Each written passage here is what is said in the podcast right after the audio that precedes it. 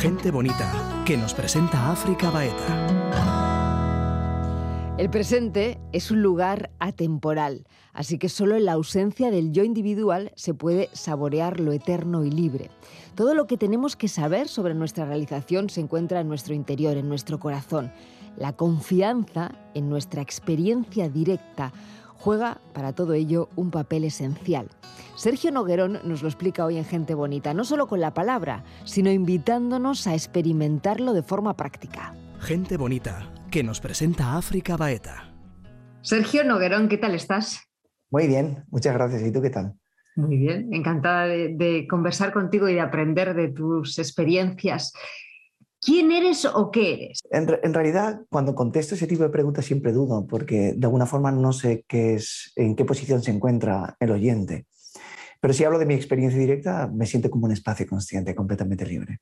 Necesitamos ese yo pequeñito para estar en este mundo? ¿O podemos prescindir de él? Mm, en la espiritualidad se suelen hacer distinciones entre el yo grande y el yo pequeño. Eso no es absoluto no dualismo y aunque ahora hay como una especie de locura sobre la no dualidad, prácticamente todas las enseñanzas de la no dualidad que se proponen en la espiritualidad no son no duales, son duales. Se parte de un ego que realmente existe, que tiene que llegar a algún lugar. O sea, todo, todo tiene su lugar aquí. Todo está bien en ese sentido. Es cierto que, que en el camino espiritual siempre hay esa creencia de separación a la que aludías, ¿no? Siempre se habla de, un camino espiritual, de una evolución, de seres evolucionados. ¿Dónde nace esa concepción de ese camino espiritual? Y te pregunto si es una fase o sea, que hay que atravesar necesariamente para alcanzar esa no dualidad no hay que atravesar nada. Eso forma parte de la creencia de que realmente existe algo llamado ego separado de la totalidad, por supuesto, porque si es una creencia debe estar separada para poder llegar a la totalidad, lo cual es una falsa historia que hemos inventado espiritualmente hablando. ¿Cómo se dio ese clic en tu experiencia vital? Eh, todo el mundo eh, tiene la idea dentro del sueño de que algo ha de cambiar, ciertamente, y desde este punto de vista eh, no se ve que algo haya cambiado, esa es la historia el cambio, podríamos decir que el cambio propone, o sea, necesita el tiempo para poder existir. O sea, vas de un lugar a otro y entonces hay una diferencia que puede ser constatable, ¿cierto? Desde mi punto de vista no hay diferencias. Hay una única visión homogénea que lo contiene todo y es hermosa por sí misma, por la libertad que contiene y porque puede expresarse libremente en este mundo. Podríamos decir que para mí solo existe el momento presente, tal y como es que lo puede contener todo, una emoción, un pensamiento, una experiencia como tal. Y eso mm, no se ve inadecuado. En cierto sentido, eh, podríamos decir que tenemos un corazón, los seres humanos, tan grande que podemos contener la totalidad de la experiencia. Cuando la mirada se posa sobre la conciencia pura, sobre la conciencia de la inmediatez, si quieres, eh, estoy pensando que es mejor que lo vivas como una experiencia, si, si tú me permites, o te quieres dejar guiar y si no puedo darte teoría, pero... No, no, yo, eh, yo prefiero ¿eh? la experiencia que la teoría, porque yo no sé si todo esto se puede explicar con palabras porque ya estamos objetivando y dividiendo. Cuando vives profundamente en el ahora, solo existe el ahora. Como tal, eh, la fidelidad y la forma en la que honras la conciencia pura de la inmediatez te impide dar realidad a otro tipo de cosas. Esta conciencia pura eh, eh, lleva un placer intrínseco, que obviamente este placer intrínseco, podríamos, lo llaman en la filosofía del amor de Dios, em, se vuelve tan profundo dentro de tu corazón que evitas de algún modo todas las salidas fuera de este presente y reconoces que todo aquello que salga de presente es meramente manoseado por la conciencia. No es un ego ni nada por el estilo. Son las formas que tiene la conciencia de expresarse en la inmediatez. Por ejemplo, si pienso en el futuro, no lo considero un ego, lo considero una forma de conciencia, una inteligencia que puedo, puedo operar dentro de la dimensión del tiempo, pero no pierdo el punto de referencia de que el, el futuro que pueda pensar ahora está aquí ahora conmigo. ¿no? Y cuando tienes esa concepción tan clara, hablar del tiempo mm, en lo que respecta a una entidad individual se vuelve relativamente muy extraño, ¿entiendes? pero ¿cómo se integra esa experiencia más allá del pensamiento? Eh, podríamos decir que la espiritualidad propone silencio, presencia, prácticas meditativas, el Atma Vichara, eh, las prácticas del curso de milagros, o incluso lo que yo considero los chanchullos de la espiritualidad, permítanme que hable así, por favor. Eh, registros acásicos, hablar el árbol genealógico, eh, conexiones arquetípicas, todo eso, eh, partimos de la base de que está dentro de la idea o de la presunción de que existe algo que sanar. Lo cual eso nos, pone nos coloca en una posición como entidades individuales. Y entonces la entidad individual parte de ahí y quiere sanar algo. Sin embargo, desde mi punto de vista, hay una forma de poder revelar esto de una manera muy simple, muy cercana, que no requiere la implicación o la mezcla de esa aparente entidad inicial que quiere encontrar algo, o sea que podemos encontrar espiritualmente sin tener que partir de la idea inicial de que hay un yo que quiere encontrar algo. ¿Me estoy explicando? Te estoy explicando perfectamente, pero eh, me, parece una idea buenísima el punto de partida desde el que arrancamos. Eh, sigue explicando y luego, y luego desgrano. No, no quiero interrumpirte, perdóname. Pero es que ahora me, ha despertado curiosidad en mí, entonces tengo ganas de que... genial. ¿Sabes qué ocurre? Que, em, vale, podríamos decir que hay dos corrientes, ¿no? La vía progresiva y la vía directa. Las, las corrientes espirituales que sanan al ego o deconstruyen al ego, que es por, un poco por donde ibas, ¿no? Y me imagino que en esa vía, eh, después de escucharte, eh, es donde entran eh, términos como despertar, observador. Dime si me confundo. Y luego hay otra vía que es la que me, da la sensación que a la Advaita puede llamarla como vía directa, ¿no? Que es la de la de la de no hace falta de construir absolutamente nada, sino darnos cuenta de que somos conciencia, de que todo es lo mismo. Es muy hermoso. El problema está, o sea, es muy hermoso. Sí, podríamos decir que aparentemente hay dos corrientes, que no existen en absoluto, estas dos corrientes. Mi opinión sobre la, sobre la espiritualidad es que está completamente manoseada. Dicho de otra forma, está llena de, de falsas ideas. Porque todas hablan de ir hacia el amor, de sentir, de que, de que lo que tienes que hacer en tu vida es sentir más amor, de que, de que en algún instante eh, abres la ventana y entonces entra toda esa luz y entonces tú te iluminas, cosas por el estilo. Y eso realmente, eh, o sea, eso es parte de un sueño, es mentira, nada de eso está sucediendo. O sea que, dicho de otra forma, eh, todo lo que pueda ser perceptible o conocido necesita la aparente entidad separada para darle sentido.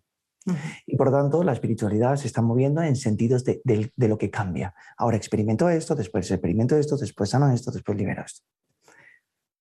Y, eso es, en cierto sentido, es falso, porque no está sucediendo realmente. Dicho de otra forma, nada tiene existencia en sí mismo.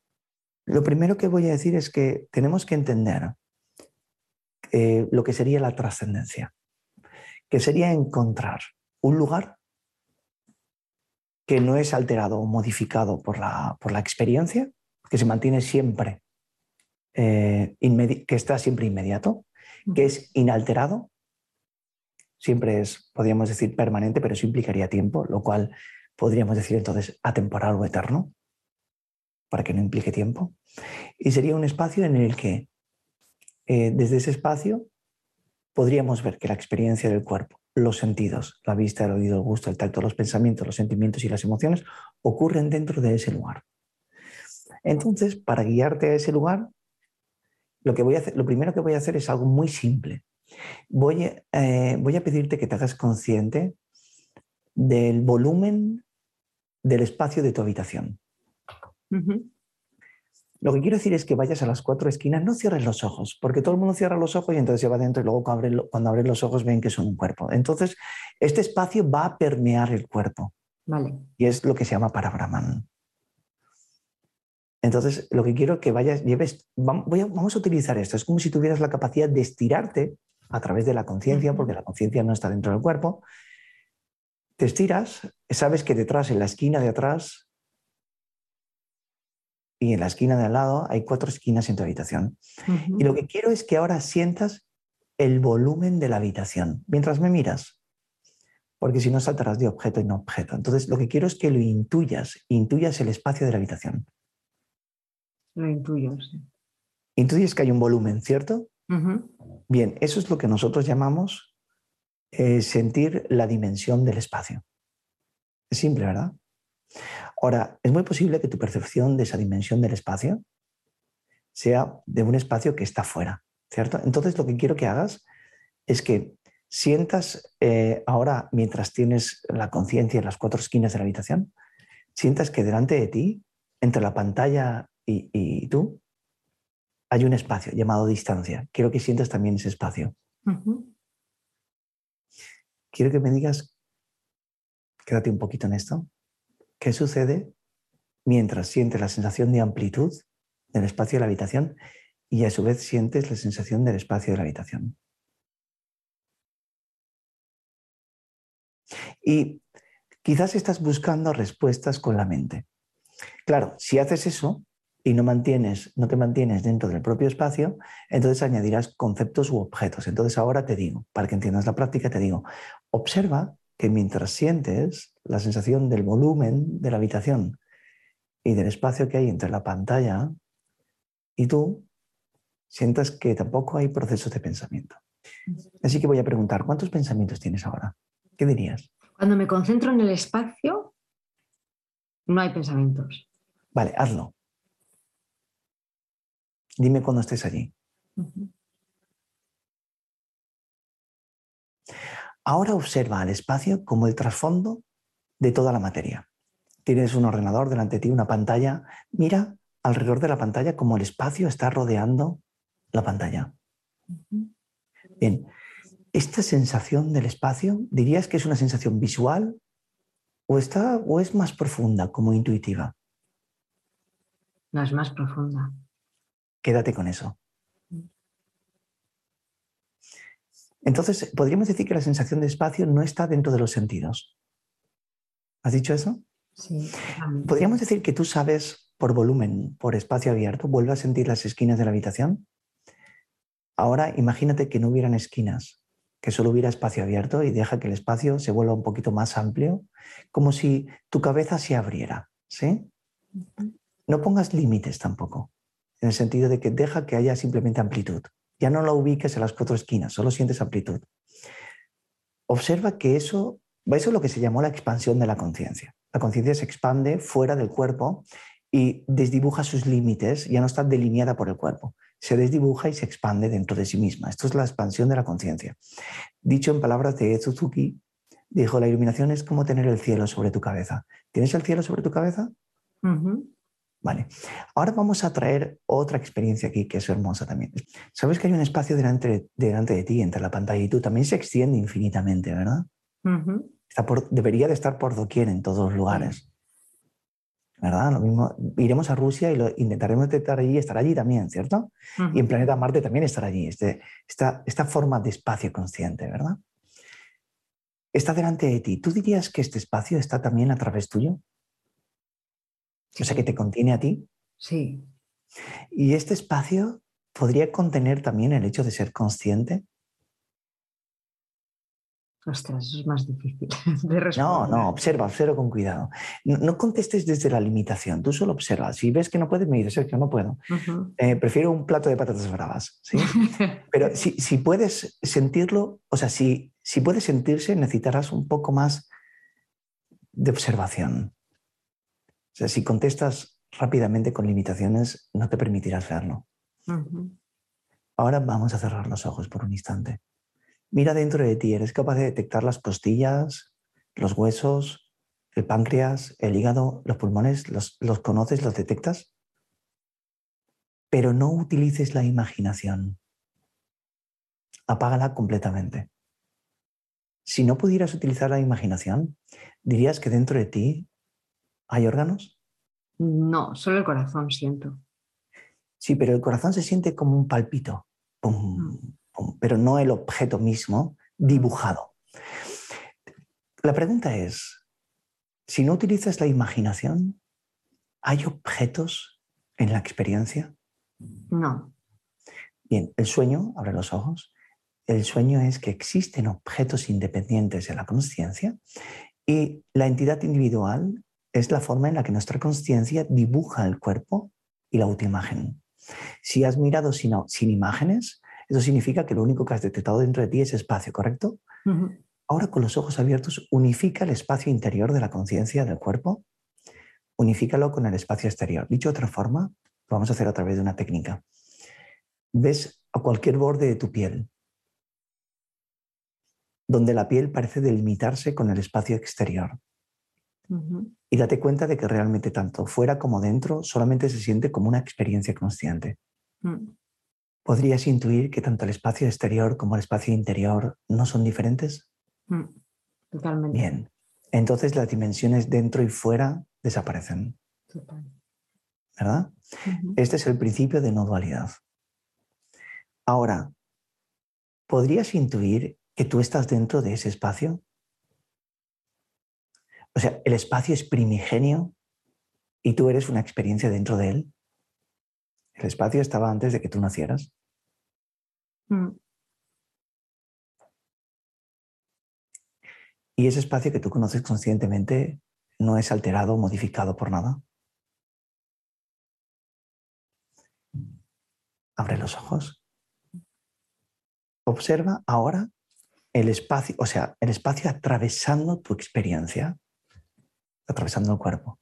Es como si tú estuvieras dentro de él. ¿Sientes eso? Totalmente, sí. ¿Puedes sentirlo o te cuesta un poco? No, yo, creo que sí puedo sentirlo. ¿eh? Vale, mira, este espacio primigenio, mm. eso es lo que llamó Ramana Maharshi sí mismo, más allá de la conciencia o el conocer. Yo lo conozco directamente a través de una práctica, pero si tengo la suficiente fe espiritual para reconocerlo, como anterior al hecho de conocer, me di cuenta de que el hecho de ser consciente es una expresión de Él.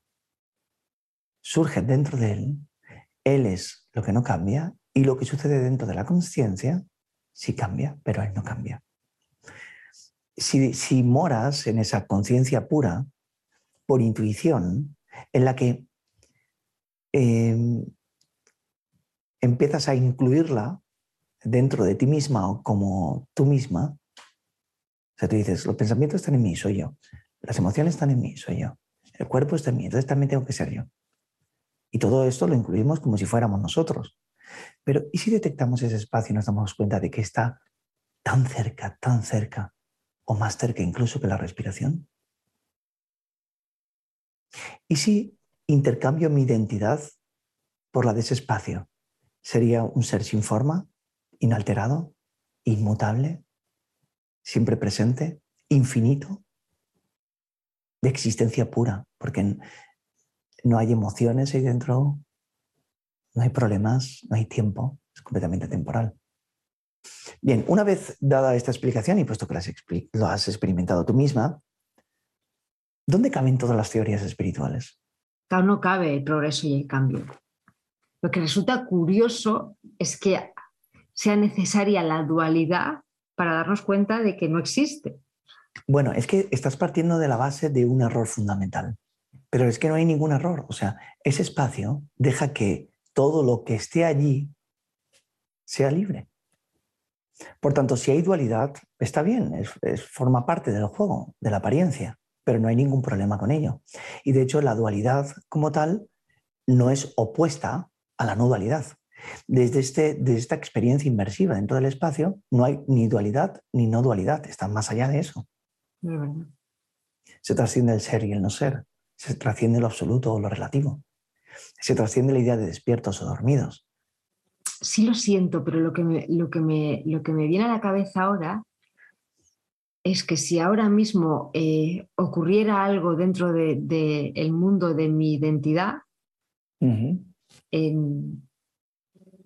la mente, mis patrones se apoderarían de la situación y no me mantendría en este espacio en el que, no es, en el que me fundo con él. Es muy hermoso lo que acabas de decir. Bien, eh, sigues teniendo el modus operandi de la conciencia individualizada. Entonces piensas de este modo. Eh, estás eh, teniendo la idea de que el cambio existe o es real. Sin embargo, desde este espacio descubres su inmutabilidad. A ver, la, el Advaita, la no dualidad, todo el mundo la pone en base a una realización, a una iluminación y a un especialismo de la iluminación y de la realización. Todo el mundo idolatra a los sabios, lo cual fueron personas normales, más normales que los normales, ¿cierto? Por poner algún modo. Los ponen como seres especiales, pero todo eso es un juego del, del ego, es un juego de la, de la lujuria espiritual, ¿no? del exotismo espiritual, ¿cierto? Sin embargo, eh, desde una mirada simplista, que es de donde nosotros tenemos que partir como seres espirituales, sin crear ningún tipo de especialismo, solamente con que tú digas, este ahora, en el que estoy ahora inmerso o inmersa, es simplemente tal y como es, y es transparente, porque de algún modo si detecto ese espacio, aunque yo pintara de colores o hiciera ruidos o dijera palabrotas en mi mente o me insultara, como sensación de espacio no puedo ser dañado como tal, ni hay cambio en mí mismo. E incluso hablarme, hablarme a mí mismo como que estoy identificado, existo como ser individual, realmente se verían dentro de este espacio sin modificación como una apariencia de la conciencia y no como una realidad en sí mismo. Vale, en este espacio en el que no hay límites. Ok, me gusta. Surge una emoción. Digamos que es una ola en el océano. Ok. ¿Qué sentido tiene esa ola? Si es que tiene que tener algún sentido o simplemente es una experiencia. Eh, las cosas no tienen sentido por sí mismos. O sea, lo que quiero decir es que la realización lo que te aporta es una liberación constante de todo lo que existe. O sea, hay una conciencia pura que de algún modo es este espacio infinito que, que, hemos visto juntos, el cual es inmaculado y, sin cambio. Y en él, en este espacio, todo es posible. tu pregunta está en base en la idea de la purificación y de la perfección. Sin embargo, desde mi punto de vista, eh, por ejemplo, Sergio se puede enfadar en algún instante, o puede reír en algún instante, o puede tener un sentimiento en algún instante, y todas esas cosas pueden seguir viniendo y siguen viniendo, incluso para los seres realizados. Todo este mito de que cuando te realizas todo eso desaparece y entonces ya eh, en la no dualidad no hace referencia a un único estado, sino a la totalidad de los estados como uno, como uno indivisible un único ser que se expresa eh, en toda su representación y sigue siendo uno. Y cancela toda realidad separada de sí mismo.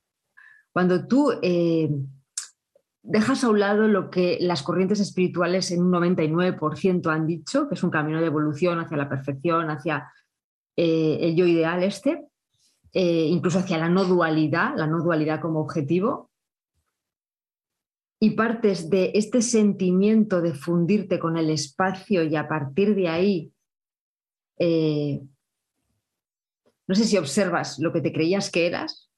No, te observas a ti mismo, porque cuando te conviertes en el espacio... Cae lo demás. Hecho por, el, hecho de ser el, hecho de ser consciente pierde su realidad y se ve también como aparente o se descubre la naturaleza de ese hecho de ser consciente que es la conciencia misma trasciendes el hecho de ser consciente, como yo aparente.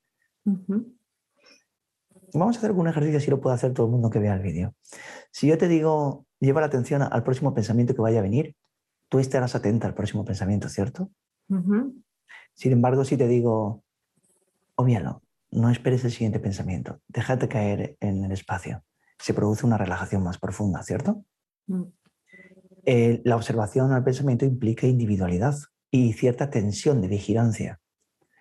Sin embargo, cuando eso cesa y te dejas caer en la conciencia, implica un dejarse caer en la conciencia, un reposar, un descanso más profundo. Eso es no atención, de algún modo, y también a percepción. Entonces, si te mantienes en un descanso, primero que, como decía Ramana Maharshi, en ese sí mismo no habrán pensamientos que disolver, se calla la mente, todo, todo el mundo se silencia. Y por otro lado, habrá una entrega de qué? De la realidad superficial de la, vida, o sea, del mundo. Habrá una entrega del yo. Eso es lo que es el primer poder. El segundo poder nos lleva a presencia, que es la experiencia vivida y sentida con intensidad de la experiencia de la inmediatez. Se ha dicho de otra forma, cuando hemos sentido el espacio, hemos experimentado que el espacio se volvía más vivo. O sea, que había una sensación de vivacidad, una sensación de estar presentes, ¿cierto? El siguiente poder es vacío, que es cuando te he dicho, observa que el hecho de ser consciente aparece dentro de ese espacio. Ese es el auténtico vacío. La gente cuando dice vacío se cree que es, es porque su mente se ha quedado silenciosa. ¿sí? Y el auténtico vacío es esa intuición de aquello que existe antes del espacio que nosotros podemos conocer conscientemente. Hay mucha información filosófica, pero muy poca práctica directa con respecto a esa información. Eh, lo hemos dicho como que los maestros habitualmente hablan, hablan, hablan, hablan y no dan una práctica clara sobre ello. Este descender de momento lo que invita es a que las personas, en vez de estar comprendiendo intelectualmente, cada concepto sea descendido a la experiencia y experimentado. ¿Los pensamientos dónde nacen? Los pensamientos no nacen ni emergen de un lugar concreto, porque los pensamientos, el ver, oler, el escuchar, eh, eh, eh, percibir los muebles, percibir, son todo, forman parte todo de la misma conciencia. Nosotros, como sensación de separación o como idea de que estamos separados, tendemos a ubicar todo y a considerar todo diferente de nosotros mismos o diferente de la conciencia. Entonces decimos que los pensamientos surgen del ego, surgen de la mente, que los pensamientos mm, tienen una cualidad que intentan boicotearnos, eh, que el ego no quiere despertar, que siempre nos están intentando... Y todo eso es simplemente una presunción espiritual. ¿sí? El pensamiento está hecho de lo mismo que estás hecha tú aquí y ahora, de conciencia. Si te fijas, eh, los pensamientos son reiterativos en un porcentaje muy elevado. Solo si hay tiempo. Si no hay tiempo, eh, son espontáneos y nuevos. Si hay tiempo y unes el tiempo, entonces sí, parece que es siempre el mismo pensamiento y es un coñazo. Sin, embargo, si estás disuelta dentro de ti misma, es un pensamiento que aparece, eso es todo. Y está dentro de lo que tú eres, como lo que tú eres y en lo que tú eres. Mientras no se descubre eso, el pensamiento parece tener una realidad diferente. Y es cuando, cuando genera separación. Y realmente lo que llaman separación en, la sociedad espiritual es un pensamiento eh, sintiendo una, una dicotomía, un conflicto con otro pensamiento. O un pensamiento teniendo conflicto con aquel que lo está observando y conociendo. Y entonces cuando hay conflicto debe de haber una entidad. Si el pensamiento sucede sin realidad o aparece sin una realidad independiente de la conciencia donde surge que eres tú misma, entonces el pensamiento aparece y desaparece, porque no tiene realidad o existencia independiente. Sergio, ¿cómo terminamos? Ponto el punto final. ¿Qué te parece si terminamos con un silencio. Gente bonita con África Baeta.